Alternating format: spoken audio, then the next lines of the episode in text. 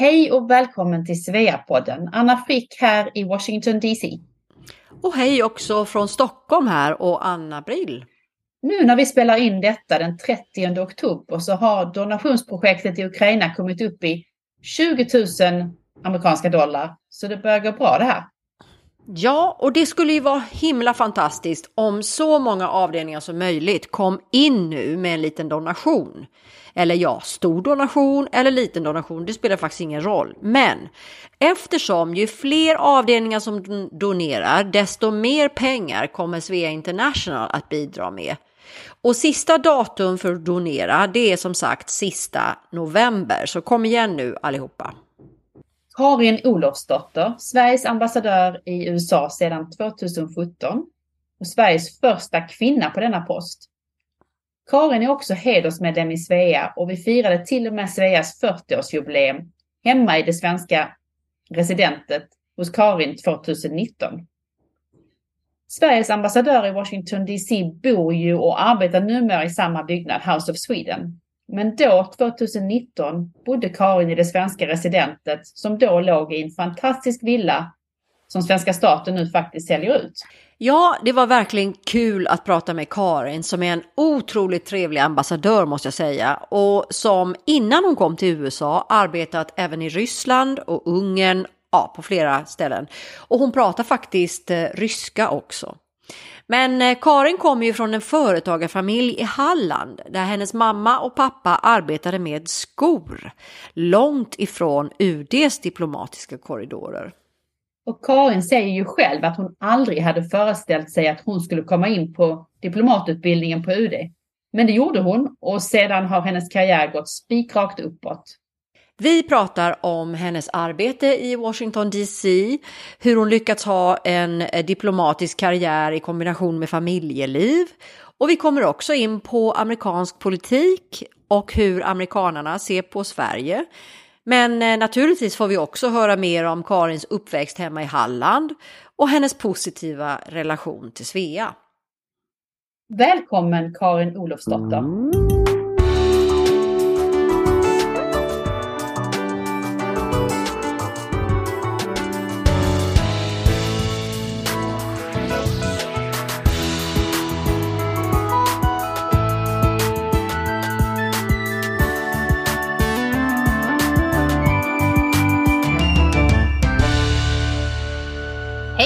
Jag heter Karin Olofsdotter. Jag är Sveriges ambassadör i Washington sedan fem år tillbaka, sedan september 2017.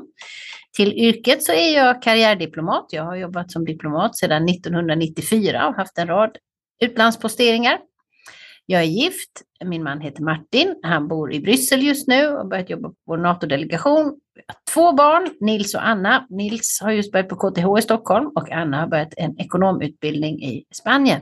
Och så har jag en hund som jag är så kär i. Den heter Raven och det är en chihuahua mini pinscher. Vad händer nu Karin när Sverige fått en ny regering och en ny inriktning i politiken? Påverkar det dig som ambassadör och påverkar politisk färg på ambassadörerna deras tillsättning? Ja, alltså för den första frågan vad gäller mig som företrädare för Sverige så eh, är det så att jag tjänar vilken regering vi än har. Eh, så att eh, jag är fast anställd i regeringskansliet. Jag är utnämnd av en regering, eh, då den förra regeringen. Men vanligtvis så byts inte vi ut vid ett regeringsskifte. Utan vi är tjänstemän som, som jobbar vidare helt enkelt oavsett vilken regering vi har. Så så fungerar, så fungerar liksom våra yrken. Så det är inte som i USA till exempel. Det är kanske det mest kända där hela, en hel administration inklusive jättemånga tjänstemän också avgår vid, eller de har politiska tillsättningar som går mycket liksom, lägre ner i organisationen. Eh, och, och, då går alla dem. Så fungerar det inte hos oss, utan hos oss är det väldigt få. Det är den som är statsråd eller minister och sen har den en eller två eller tre politiskt anställda tjänstemän eh, och en vice minister som då är statssekreterare hos oss. De går vid ett regeringsskifte. Eller så fort du har en ny regering så måste de. Liksom så att det är bara vi tjänstemän, vi är kvar helt enkelt. Så eh, ja, det är klart att det ändras, för olika regeringar har ju olika liksom eh, betonings och prioriteringsområden. Eh, nu är den här regeringen helt ny. Vi har naturligtvis läst regeringsförklaringen. Jag har också läst eh, Eh, det gemensamma programmet som, eh, som Sverigedemokraterna, Moderaterna, Kristdemokraterna och Liberalerna har tagit fram, Tidöavtalet, eh, för att få liksom kunskap om hur politiken kommer se ut. Så det är klart att vi riktar in oss efter den här regeringen och dess prioriteringar. USA är ju dock ett land som är oerhört viktigt oavsett vem vi har som regering. Sen kan det ligga, man kan ändra lite fokus på på hur man vill att relationen ska se ut. Men eh, vi vet ju inte alla detaljer än, för regeringen har ju bara tillträtt. Den nya utrikesministern i Sverige nu har ju just dock sagt Sverige kommer inte fortsätta med feministisk utrikespolitik. Vad tror du om det? Ja, det är ju en, eh, det har ju varit en prioriterad fråga nu under fyra år och nu har vi då en ny regering som gör en annan eh, prioritering. Eh, eh jag vet och har läst naturligtvis dokumenten att kvinnor och flickors rättigheter är fortfarande viktiga, eh, men kanske kommer jobbas med på ett annat sätt. Ja, så är det ju helt enkelt och det är ju en, eh, en fråga som jag tror varje regering anser är viktig, men det är då upp till given regering hur man väljer att profilera en fråga. Och det rättar vi oss naturligtvis efter. Från dina tal Karin så förstår jag att Sverige är det trettonde största landet när det gäller investeringar i USA. Men till storleken så är vi mm. bara kanske närmre nummer 100. Eh, hur ser uh, eh, amerikanerna på Sverige som land? Generellt sett väldigt positivt. Eh, intressant Sverigebild, eh, eller bilden av ett land tar väldigt lång tid att ändra. Svenska institutet gör undersökningar på det här lite då och då. Så en bild av ett land ligger ganska stabilt eh, och här finns det då en väldigt positiv bild av vårt land dels eh, historiskt, det är ju väldigt många här som är Sverigeättlingar eller svenskättlingar. Vi hade ju stor migration på 1800-talet, men vi har fortfarande stor, ganska stor migration hit. Många som kommer hit med företag och startup-företag och sådär. Så att det är generellt sett väldigt positiv bild. Det kan finnas lite missförstånd eh, om hur vårt välfärdssystem ser ut. Om vissa kanske inte tror att vi är en så stark marknadsekonomi som vi är. Och det vittnar ju verkligen våra, vår investeringsplats Eh, 90, vi har ju, eller nummer 13, vi har ju fantastiska företag i Sverige. Eh, oerhört innovativa och framgångsrika och, och, på alla sätt och vis. Och som ju naturligtvis värderar den amerikanska marknaden högt. Det här är ju ett av de viktigaste marknaderna, en av de viktigaste marknaderna att vara på. Eh, och det är ju många amerikanska företag också som investerar i Sverige. Så att jag tycker generellt sett att det finns en väldigt stor nyfikenhet på Sverige Eh, samtidigt som det kan då finnas lite missförstånd om vad vi är för typ av samhälle. Kan du ge något exempel på det missförstånd? Nej, men jag kan ju liksom, vi brukar skoja här, framförallt eh, under förra administrationen, eh, att eh, på, på vänsterflanken ser man oss som ett socialistiskt paradis. Och på eh, lite mer extrema högerflanken så ser man som ett socialistiskt helvete. Och då brukar jag säga vi är vare sig helvete eller socialistiskt, vi är bara ett paradis. Ja, bra svar! Nej, men naturligtvis har ju Sverige har ju massa utmaningar, precis som alla andra, andra länder och, och, och, och som vi tacklar. Och då får man ju vara öppen med vilka utmaningar vi har.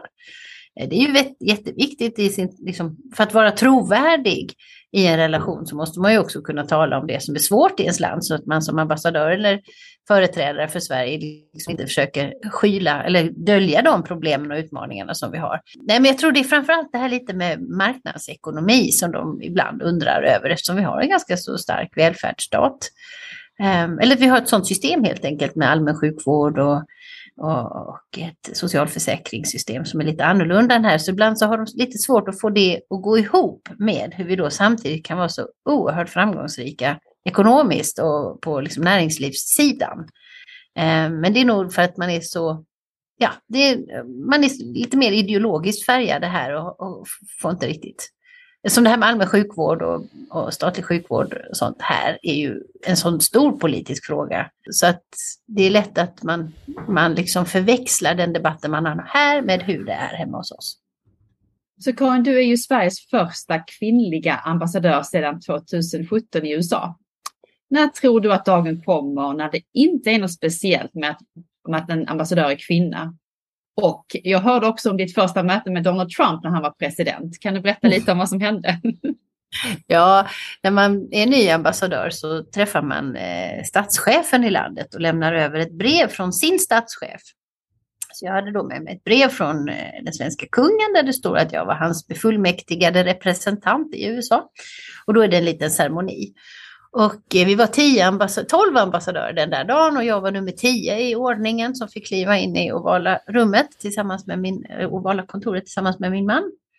Och då när vi kliver in genom dörren så, så är det någon som säger Her Excellency Karin Olofsdotter, Ambassador of Sweden. Och så hör man presidenten ropa från andra änden av rummet, A female! En kvinna! Och det var ju riktig, det var en riktig iakttagelse. Det kanske inte hade varit så många andra kvinnliga eller kvinnor som var ambassadörer den dagen som han hade tagit emot. Eh, ja, det är jag, men Sverige är ganska bra på, alltså nu är vi nästan uppe i tror jag, 50 procent eh, av våra ambassadörer är kvinnor. Och rekryteringen till diplomatprogram och så vidare är, är rätt så, det har länge varit ungefär hälften hälften. Eh, så att i, i, den svenska förvaltningen så är det inte så udda att vara kvinna och ambassadör längre alls. Och det är ju helt riktigt att det ska vara så. Är, men man ska ju alltid naturligtvis värderas utifrån sina meriter. Så jag hoppas ju att jag, eh, och tror att jag, mina meriter också var tillräckligt goda och att jag gjorde tillräckligt gott jobb så jag inte sitter här bara som kvinna. För det, då skulle jag vara väldigt ledsen själv faktiskt. Ja, det är väl när nästa ambassadör kommer hit som också är kvinna. jag säga, för din fråga. Nej, men det är liksom inte så stor sak längre, tycker jag. Men bland dina kollegor då i USA, är det många ambassadörer som är kvinnor? Eller är du typ i en liten skara? Ja, alltså från EU-länderna kanske vi är, det är ju 28 EU-länder, 27 EU-länder nu, då kanske vi är ja, 7, 8, 10 stycken kanske. Jag tror det är ungefär 30 eller 40 ambassadörer totalt som är kvinnor här i Washington. Det roliga var ju att när eh, många trodde att Hillary Clinton skulle bli president och även när hon blev utrikesminister, då var det väldigt många länder som plötsligt skickade kvinnor till Washington ah. som ambassadör. Aha. Eh, Karin, kan du berätta vem som blir din efterträdare? Nej, det vet jag inte. Det finns ingen utnämnd ännu. Det tror jag man får reda på först till våren någon gång. Det är en ganska lång process. Oj, men när är det du ska avgå? Eh, jag slutar nästa sommar sommaren 23. Åh, hur känns det då? Ja, det är både roligt och tråkigt. Jag trivs ju fantastiskt bra här och älskar USA. Jag, det här är fjärde gången jag bor här och har en fantastisk ambassad med fantastisk personal och jag tycker vi gör väldigt bra saker och naturligtvis politiken i det här landet är ju otroligt intressant. Allt från utrikes och säkerhetspolitiken till näringslivspolitiken och kulturfrågorna, allting. Eh, så det är ju fantastiskt spännande och jag också eh, tycker inte att jag har rest tillräckligt i landet. Vi förlorade ju två år i med covid också. Eh, så att det på så vis är det ju trist att det är liksom ett kapitel i mitt liv som stängs. För jag kommer inte komma tillbaka hit som ambassadör igen.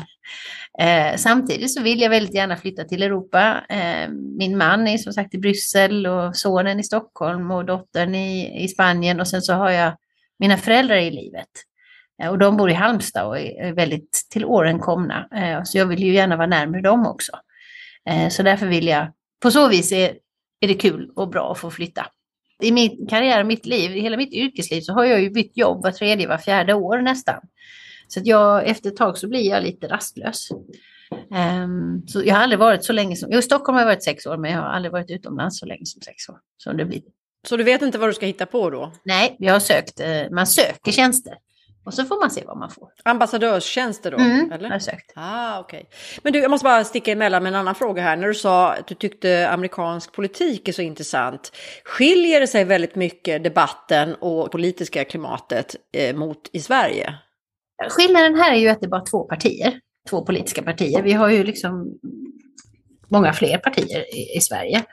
Eh, och sen kan man ju då säga att inom de här två partierna så finns det naturligtvis fraktioner. Så på så vis kan man ju säga att det finns inom Republikanerna liksom mer högerfalang och mer centerfalang och det finns ju även bland eh, Demokraterna en, en vänsterfalang. Och, ja, men sådär. Så det, de har ju falanger, men det är ju ändå två partier. Eh, så det tycker jag eh, skiljer. Jag tycker också att eh, det är lite svårare här tycker jag att komma till kompromisslösningar mellan de här två partierna. Det har ju blivit mer polariserat. Nu har ju då eh, president Biden lyckats med en hel del reformpaket sista två åren, eller sista ett och ett halvt åren. Och, ja, det är ju nästan två år nu. Ehm, eh, där han har fått med sig en del republikaner på de här paketen, några stycken. på vissa. Men det är liksom lite svårare här tycker jag att nå eh, partiöverskridande överenskommelser. Det tycker jag faktiskt. Svenskarna är bättre på att kompromissa? Ja, kanske. Och, ja, och, och kanske också att det känns som de ideologiska skillnaderna mellan de två partierna här är så mycket. Jag menar, det finns det ju naturligtvis hemma också, annars hade vi inte haft någon politik, eller då hade vi ju varit en enpartistat. Men så är det klart att det är polit, alltså, ideologiska skillnader mellan de svenska partierna också, men på något sätt så är vi rätt så eniga i vilken typ av samhälle vi vill ha, hur välfärdssystemet i, i det stora ska fungera och så vidare. Här är det mycket större debatt om hur samhället ska uppbyggas. Tillbaka till lite min fråga innan Karin. Finns det fördelar med att vara kvinna på din post? Hur upplever du just den aspekten när du arbetar i USA? Och också jämfört med när du var posterad i andra länder som till exempel Ryssland och Ungern. Jag tycker alltid det är positivt att vara kvinna. Jag tycker bara det är plus. Nej men grejen är den, och det är väl så med också för män. Om du är man och väljer ett jobb där det jobbar många kvinnor så tror jag det är en fördel. För då syns du ju, du är lite annorlunda. Är du kvinna och kanske är en lite mer mansdominerad värld, så för mig i alla fall, och jag vet att naturligtvis att det, här, det är jättesvårt för jättemånga kvinnor som inte alls har haft en sån positiv erfarenhet som jag har av att vara kvinna i det här yrket. Så jag menar, jag ska inte sticka under stol med att det är jättesvårt för många och det finns glastak och, och hela det här. Eh, men för mig har det varit positivt och jag tycker att jag menar, oavsett kön man har så ska man ju göra sitt bästa på jobbet och, och göra sitt bästa för att kunna och, och liksom göra sitt jobb bra. Och gör man det, men dessutom då är något som sticker ut, så är det bara bra, för man syns ju. Så att jag, jag tycker bara det är positivt. Men jag, jag vill verkligen säga att jag förstår att, att jag kanske har... Alltså jag vet att det är många som har haft det svårt, liksom, att det finns glastak och så vidare. Har du något gott råd till kvinnor som vill framåt, oavsett om det är diplomatisk karriär eller någon annan karriär? Nej, men det är väl som alltid att man ska hitta ett arbete man brinner för. Man ska ju ändå spendera en tredjedel av sitt liv på arbetsplatsen. Man måste ju tycka om att gå till sitt jobb. Tänk att ha ett jobb som du inte vill gå till. Det måste ju vara fruktansvärt.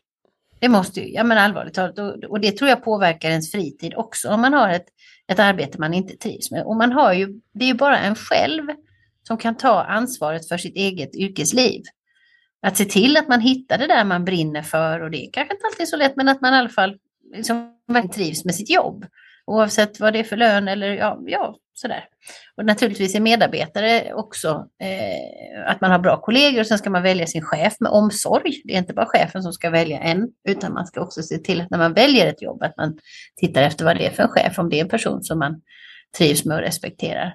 Så att jag tror att oavsett så är liksom, det är det viktigaste. Den dag man går i pension så tror jag det är otroligt viktigt att man är nöjd liksom, och glad över sitt yrkesliv oavsett vad det är man har gjort. För alla jobb är ju viktiga.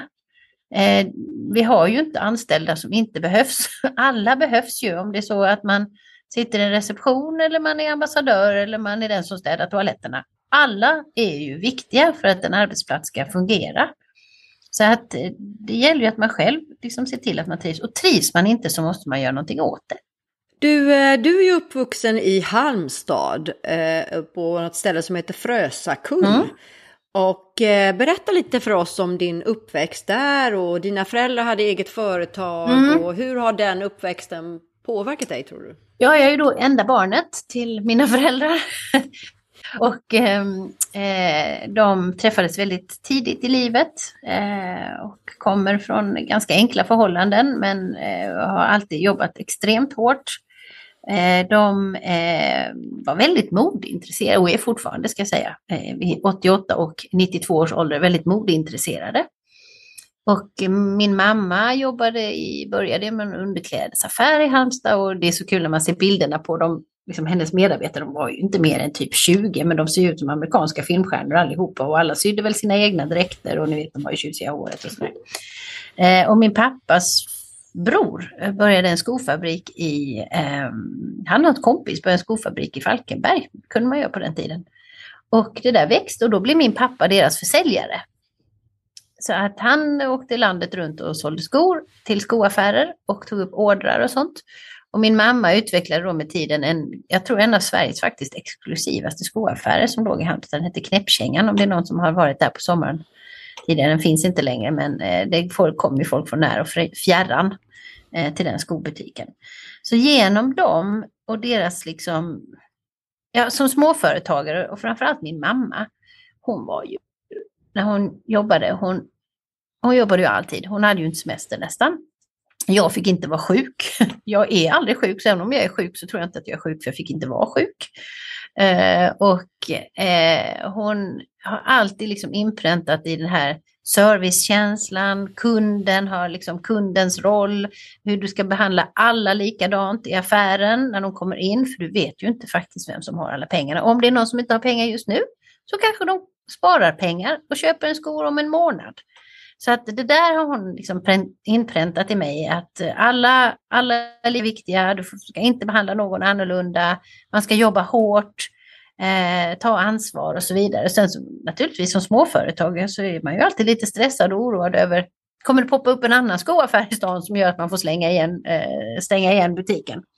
Så att jag har fått med mig, tycker jag själv, eh, mycket av det här arbets, arbetsmoralen. Eh, sen så var det liksom inget alternativ för mig att jag skulle, hon ville ju väldigt gärna att jag skulle ta över hennes skoaffär. Men du, eh, jobbade du i den där affären ja. också? Oh ja, och alla mina kompisar har också jobbat där. Åkte med mina föräldrar på mässor till Tyskland och, och mina föräldrar kan ju ingen engelska, men de rattade där ändå. Eh, nej, men så att det, den, det, det, är en stor del av min uppväxt, det är liksom hur de arbetade. Sen så naturligtvis är det skillnad på att ha syskon och eller vara ett ensamt barn. Eh, så jag var ganska ensam ibland, eh, tycker jag. Eh, men det gjorde ju att jag läste väldigt mycket, så jag tror att jag var ganska ensam där på mellanstadiet, för vi bodde Frösakull är egentligen sommarställe ställe så att säga. Så det fanns inte så mycket barn där eller ungdomar där. Så att jag var ganska ensam. Men det gjorde att jag läste. Jag brukar skoja att jag har liksom Readers Digest. Och det här, eh, den här Readers Digest. Tacka för att jag sitter här idag. för jag läste den. Hade ni den tidningen? Ja, vi hade den tidningen. Och jag läste den. Vad heter den på svenska? Den heter Hette den inte Readers Nej, den heter ja, Jag vet, vi hade också den i min familj. Det handlar ju om hela världen, artiklar från hela världen. Ja, ja, nej men alltså den. Den där lilla gula som en liten bok. Den, ja, absolut. Det handlade ju om allt möjligt. Jo, du var ju också utbytesstudent i USA eh, efter ettan i gymnasiet. Hur var det? Har du alltid haft en sån här längtan till USA? Nej, det tror jag inte. Eh, jag, eh, mina föräldrar reste väldigt mycket med mig när jag var liten. Vi åkte tidigt på charterresor till Spanien och åkte skidor och sådana grejer. Så att jag är liksom van vid att resa från att jag var liten. Och sen var det vi många kompisar där. Det här är ju liksom 80-talet. Och jag tror att det där med utbytesstudenter växte till sig där i början av 80-talet. Så vi var ganska många, vi var nog fem, sex stycken som stack iväg samtidigt. Så det var nog mer att mina kompisar skulle åka. Och så tyckte jag också det lät kul. Ehm, så då gjorde jag det och hamnade i New Jersey i USA. Det var ganska tufft eh, faktiskt. Jag hade inte så mycket kompisar och tyckte att jag var för konstig tror jag, som europé. Jag hade ju inte bh. Det hade ju amerikanerna och jag rakade ju inte benen för det gjorde man ju inte i Sverige. Men jag var bara lite udda. Ja, och sen så hade de ju, alltså hamnade jag i en väldigt konstig familj i början. Jag fick byta och så. Så det var tufft, men jag lärde mig ju otroligt mycket, givet att jag själv inte har syskon. Så plötsligt hamnade jag i miljöer där jag behövde liksom stå upp för mig själv och liksom folk bråkade och hade sig. Jag kunde ju inte det, var inte van. jag förstod ju inte att folk bråkade innan. Så att jag lärde ju mig. Det var en väldigt bra personlig resa för mig, även om det var ett jobbigt år. Men du har också pluggat vid eh, UCLA, alltså University of California. Mm. Vad, vad studerade du där och hur kom det sig? Jo, då, Lunds universitet hade då, jag vet inte om de har det längre, ett utbytesprogram med University of California och det är ju fakultet till US San Diego och jag fick då stipendium till UCLA i Los Angeles och jag läste eh, jag hade ju mitt huvudämne i Lund var ju psykologi, så jag läste organisationslära och arbets, eh, liksom mer arbetsinriktad, arbetsplatsinriktad psykologi och sånt. Men sen läste jag också Östeuropakunskap och jag läste ryska. Så det var ett fantastiskt år faktiskt. Jätte, jätteroligt. Och Los Angeles är ju, jag var precis där förra veckan i jobbet, det är en fantastisk mm. stad. Alltså. Härligt. Vad är det som fascinerar dig med USA? Ja, men det är väl, dels är det ju liksom världsledande vad gäller politik och ekonomi, så det är ju på så vis världens viktigaste land. Eh, så att bara det är ju fascinerande om man, om man är intresserad av ekonomi och politik och det är ju jag. Så dels är det det. Och sen så tycker jag att amerikaner är fantastiska människor. Alltså det här, ja, men jag, igår var jag på Trader Joe's, en mataffär. Och då den äldre damen som jobbar där, då är ju jag, vad var jag? Sweet baby eller något sånt där kallar hon mig för. Det är ju så härligt. Det är darling och baby och sweetheart och hit och dit och liksom, ja. Eh, sen finns det ju naturligtvis massor, massor, massor med utmaningar i det här samhället som jag inte tror riktigt kanske vi alltid förstår vidden av. Eh, men, och det här någonstans, ja men det, och det låter som klyschor, men det är ju positivt samhälle. På, alltså när man träffar amerikaner, de är ju liksom självsäkra och positiva. Så här, det är ju spännande och kul. Och sen så tycker jag också eh, dels landets historia men också den svenska historien i USA är ju också spännande med hur folk tog sig hit och etablerade sig. Och vi har ju fyra miljoner svenskättade här idag som verkligen värnar om vårt kulturarv. Och det finns ett fantastiskt ställe som heter American Swedish Institute i Minneapolis. Så har ni inte varit där så åker dit. Och där är det ju liksom ungdomar som läser folkdans och bakar surdegsbröd och läser svenska och liksom har sig och det är folkdräkter och det ena och det andra. Det ser man ju inte riktigt hemma på samma sätt. Ja, men det är liksom, man, man förvaltar ju vårt kulturarv på ett sätt när man lever i exil sådär. Eller liksom när man blir, ja, här värnar man ju sin kultur, sin gamla kultur liksom som man kommer från. Nej men så det tycker jag är spännande. Sen så hela eh, liksom, eh, innovationssystemet här är ju de stora universiteten och det där. Sen finns det jättemånga utmaningar i det här landet och det är väl det som jag tror att jag lärde mig första gången när jag var här 2008 till 11 med finanskrisen. Liksom man tittar på sjukvårdssystemet, det kostar, de betalar 18 eller 19 procent av BNP för sin sjukvård. Vi betalar runt 10 i de flesta europeiska länder och amerikanerna lever då tre år kortare i genomsnitt. Alltså det finns ju gigantiska utmaningar här också som, som är oroande eh, och jag hoppas ju verkligen att, apropå vad vi pratade tidigare om partiöverskridande överenskommelser, att man lyckas komma överens om reformer på de här stora områdena, för det är ju viktigt för oss också. För ett USA som är, vänder sig allt för mycket inåt och inte vill vara det, liksom, den världspolis eller vad man ska säga som vi har vant oss vid att de är och där vi nu investerar och har ju länge investerat i en relation till amerikanerna vad gäller vår säkerhet mm. i Europa. Eh, och nu gör ju amerikanerna fantastiska insatser för Ukraina, samtidigt som vi vet att det egentliga hotet är Kina. Men vi måste verkligen samarbeta med amerikanerna för att värna demokrati och mänskliga rättigheter och fria ekonomier och så vidare. Så det är ett otroligt viktigt samarbete och då eh, hoppas jag att amerikanerna klarar av att vara så öppna som de har varit hittills, givet att de har så många inrikespolitiska utmaningar. Visste du att Svea International varje år delar ut tre stora stipendier om 10 000 US-dollar vardera?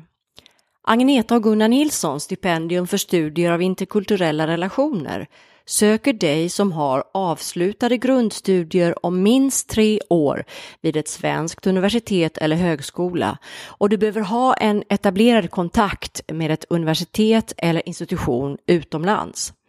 Stipendiet för forskning i svenska språket, litteraturen och eller kulturen delas ut till en välmeriterad doktorand som studerar vid ett universitet utanför Sverige.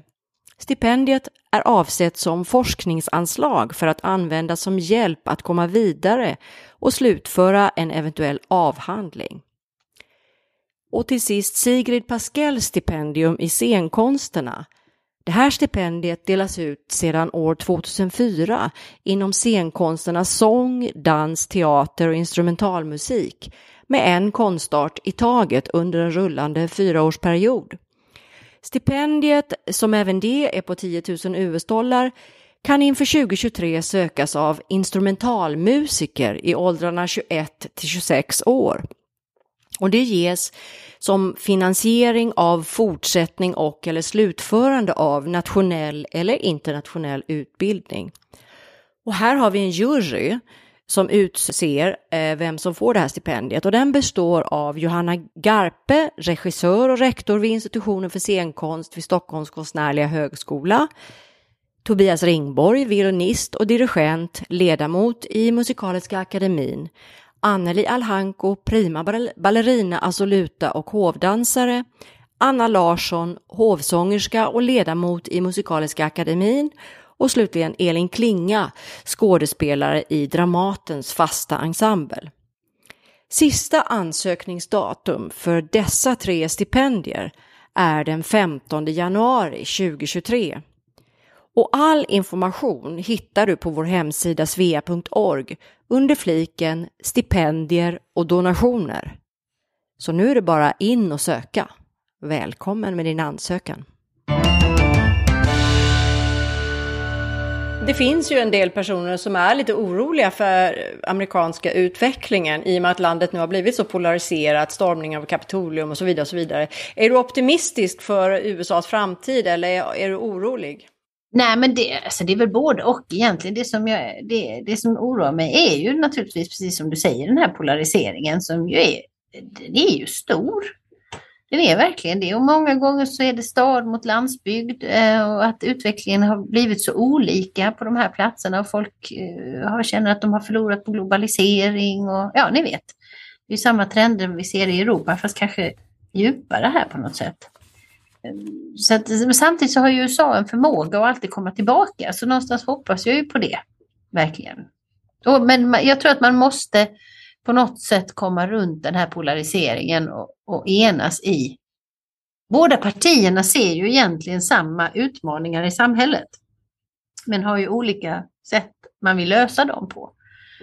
Men jag hoppas att man lyckas liksom enas lite mer kring hur man vill lösa de här samhällsutmaningarna. Så kan du även hunnit att arbeta i Moskva där du var andra ambassadsekreterare. Kan du berätta om hur det var att bo i Moskva och kunde du föreställa dig att Putin skulle gå ut i fullt krig mot ett grannland? Och sen också om du träffade Putin och hur du upplevde honom? Nej, det gjorde jag inte. Nej, nej, nej. nej. Det gjorde jag absolut inte. Eh, jag hade, fick träffa Jeltsin dock en gång han var på statsbesök i Sverige. Eller jag såg honom när men nej, jag kunde inte föreställa mig att Ryssland skulle attackera Ukraina. Det kunde jag faktiskt inte göra, även när amerikanerna sa att det var så. Jag någonstans ville inte tro på det att det kunde bli ett krig i Europa av de liksom, proportionerna och grymheten vi har sett. Och det, kan, det, var säkert naivt av mig, men jag tror att det är rätt mänskligt att när det är på väg att ske någonting så förfärligt i ens närområde så vill man inte tro på det. Eh, men där var ju amerikanerna fantastiska i att ge oss underrättelser och jag tycker det vi ser idag är ju det är så fruktansvärt så det går faktiskt inte att ta in. Eh, Moskva mitten av 90-talet var någonting helt annat. Sovjetunionen hade just fallit. Eh, ryssarna, alltså det etablerades utländska företag. Det hände ju massor med grejer. Vi trodde ju att Ryssland skulle bli en liksom, marknadsekonomisk demokrati. Jag var ung. Eh, vi var ett helt gäng på ambassaden i samma ålder som pratade ryska. Det var likadant på de andra ambassaderna. Vi hade fruktansvärt roligt. Eh, och det var ju en framåtanda då. Sen kraschade ju ekonomin där 97 och sen så kom ju kriget på Balkan och så vidare. Men just de där åren, det var väldigt liksom optimism då, nybyggaranda som ju var jättehäftig att vara med om. Men jag tror att om man tittar tillbaka och ser liksom hur privatiseringarna gjordes i Ryssland och så där, det, ja, men det finns ju säkert mycket som har lett fram till att vi är där idag. Där vi är. Men jag hade inte kunnat föreställa mig ett krig. Du Karin, på tal om det här med Ryssland så Sverige är på väg in i NATO. Är du en del av det arbetet eller vad är din roll i den här NATO? Ja, det är det. Det är det absolut. Absolut. Um, det är ju så att varje medlemsland i NATO ska ratificera, alltså rösta i sitt parlament om varje ny medlemsland.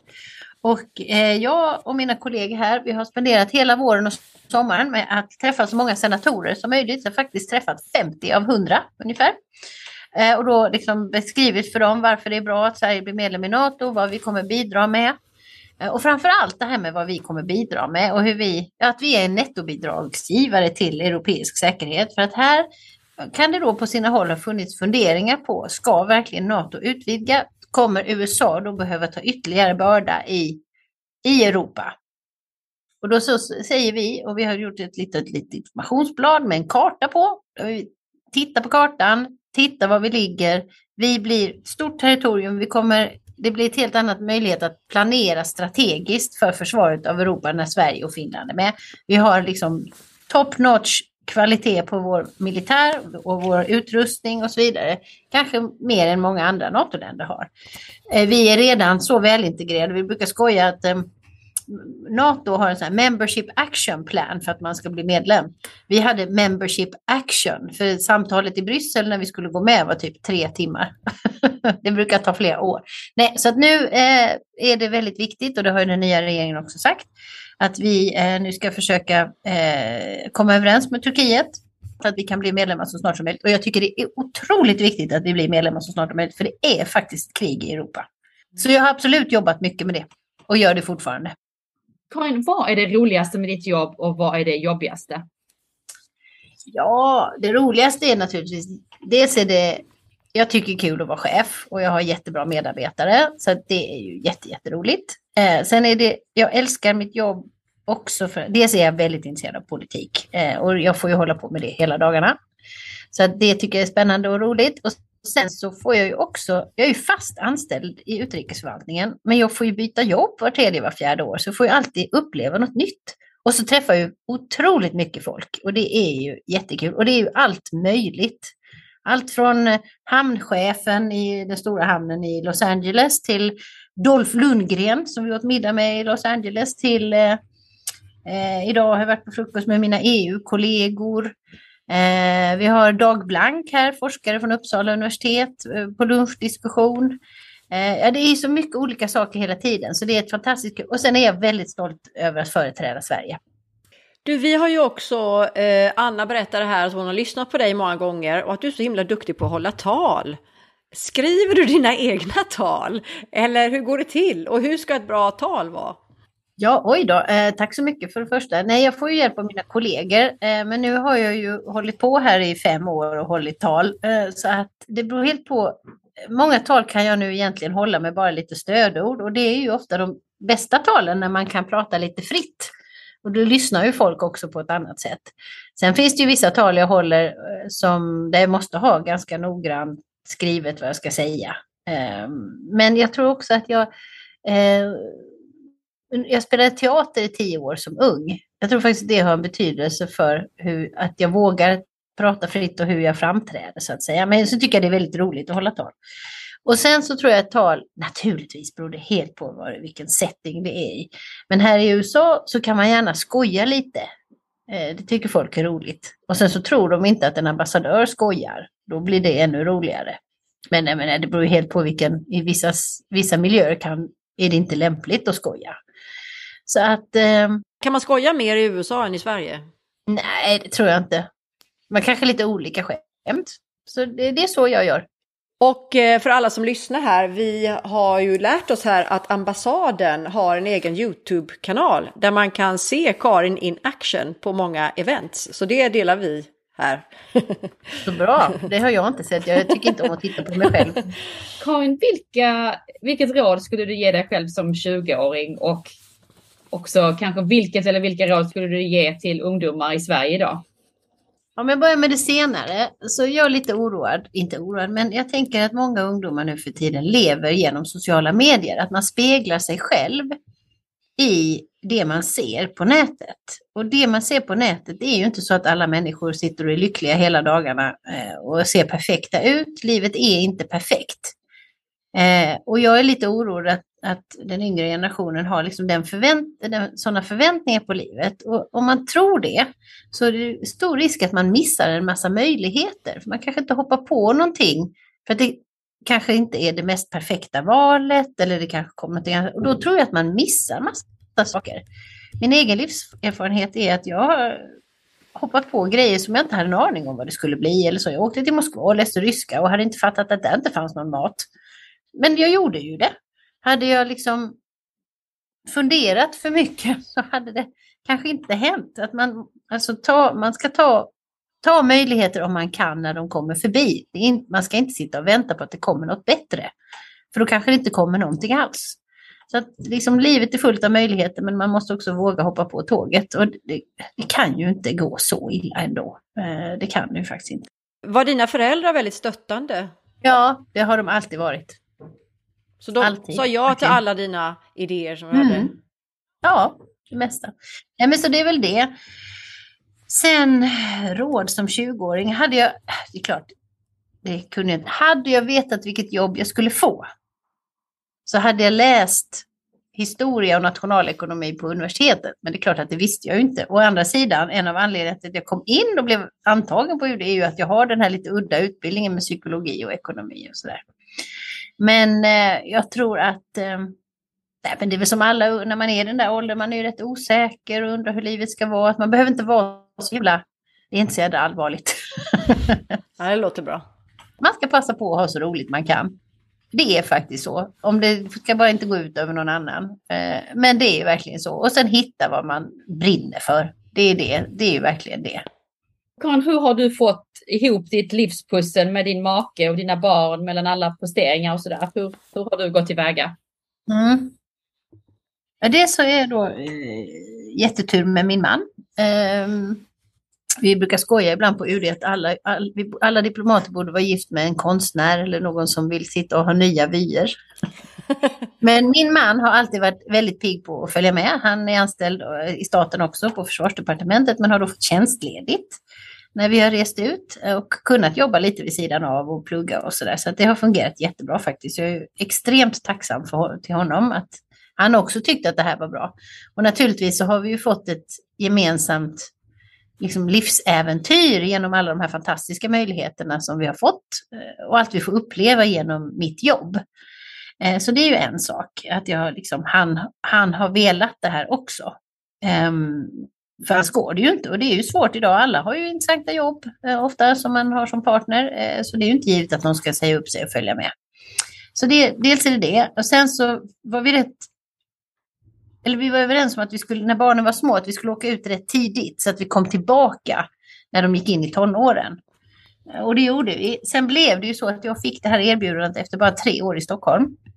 Och vi hade ju inte tänkt att vi skulle åka ut, men vi insåg ju båda två att det här var någonting vi inte kunde missa och att vi visste att vår dotter väldigt gärna ville tillbaka till USA. Så att för henne blev det här väldigt bra och sen så vår son gick i skola på lite andra ställen och sånt. Så att på så vis har jag lyckats att få ihop livspusslet. Det som jag tycker är svårt och jobbigt, det är det att jag är alldeles för långt borta från mina föräldrar. Eh, och det är säkert många sveor som känner igen det när man bor utomlands. Att, I alla fall hade inte jag riktigt tänkt på innan. Jag har alltid varit fokuserad på barnen. Men nu är jag i en fas i livet där jag måste faktiskt fokusera på mina föräldrar och jag hade inte riktigt tagit in det och det är ju en utmaning när man bor utomlands och långt borta. Liksom. Att man, kommer, man skulle vilja vara där och göra mer för dem. Och det kan jag tänka mig att många som lyssnar här också kanske känner. Kan du köra videosamtal med dina föräldrar? Ja, mamma kör Facetime. Ja, vad bra, vad härligt. Mm, det är jättebra. jag är väldigt stolt att hon som 88-åring är fullt Facetime fake. Fantastiskt. Men du, dina barn, har de gått i utländska skolor eller svenska skolor? Eller hur har det gått Nej, de har gått i amerikanska. De, dels var de väldigt små när vi kom hit och då gick de i vanlig amerikansk skola. skola.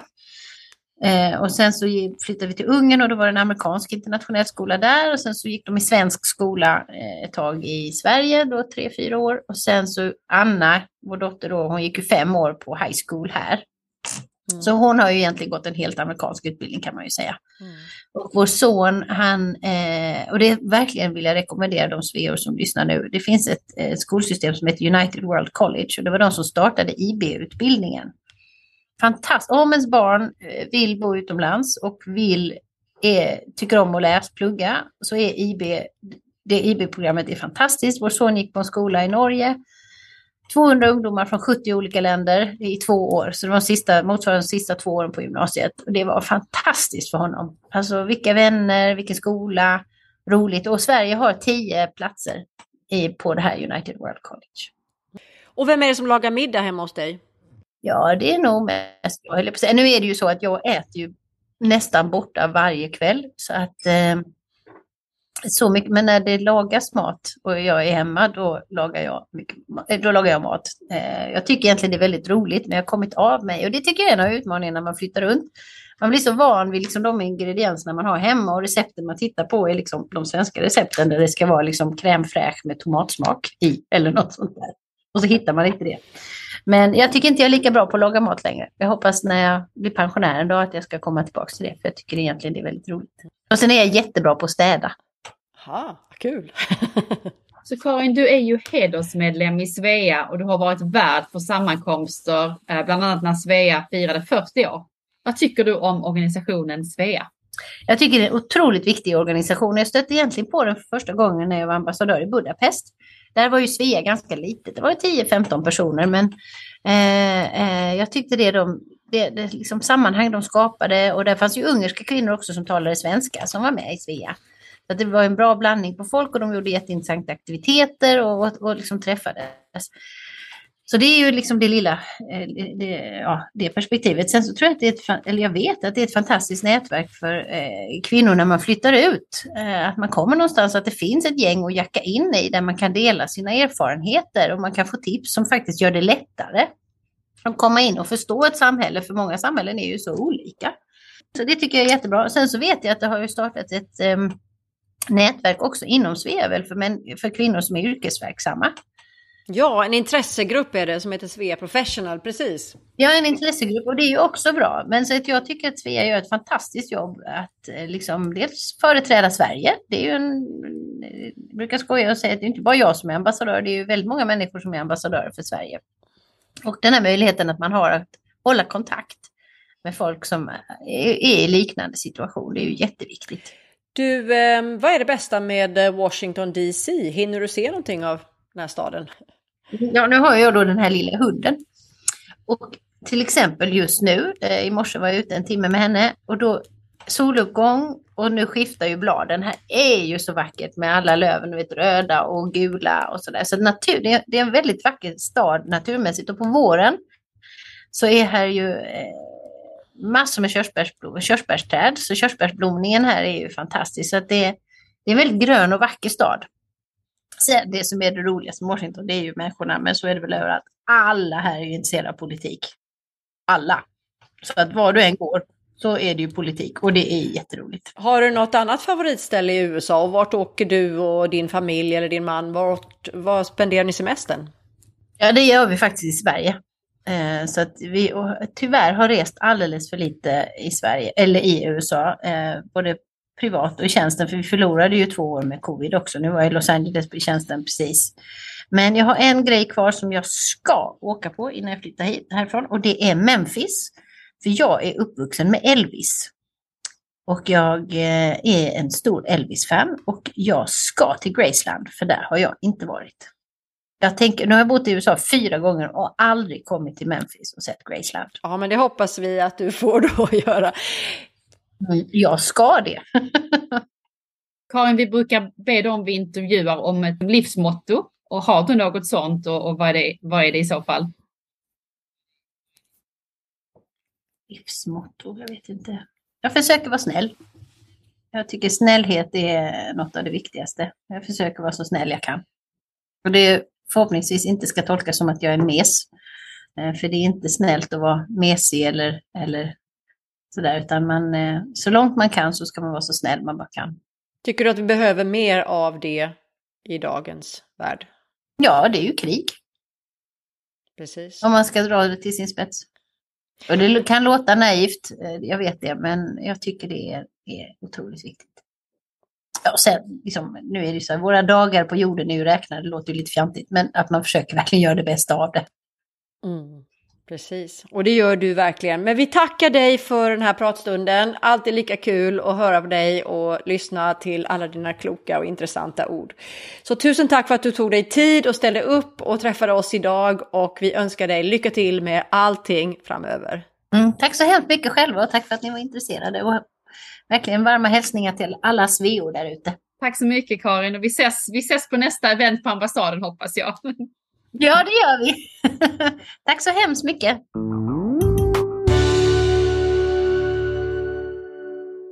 Tack för att du har lyssnat. Den här podden är inspelad och producerad för Svea International. Musiken är skriven för Svea av Fredrik Åkerblom. Alla vi som på olika sätt är involverade i produktionen gör detta som en del i vårt frivilliga engagemang för Svea. Sveapodden finns på de allra flesta ställen där du hittar poddar. iTunes, Google Podcasts, Spotify, Acast etc. Om du saknar något poddställe så skicka ett mejl till sveapodden gmail.com. Mer information om Svea hittar du på vår webbplats svea.org och i sociala medier så finns vi på Facebook, Instagram och LinkedIn och där hittar du oss som Svea International.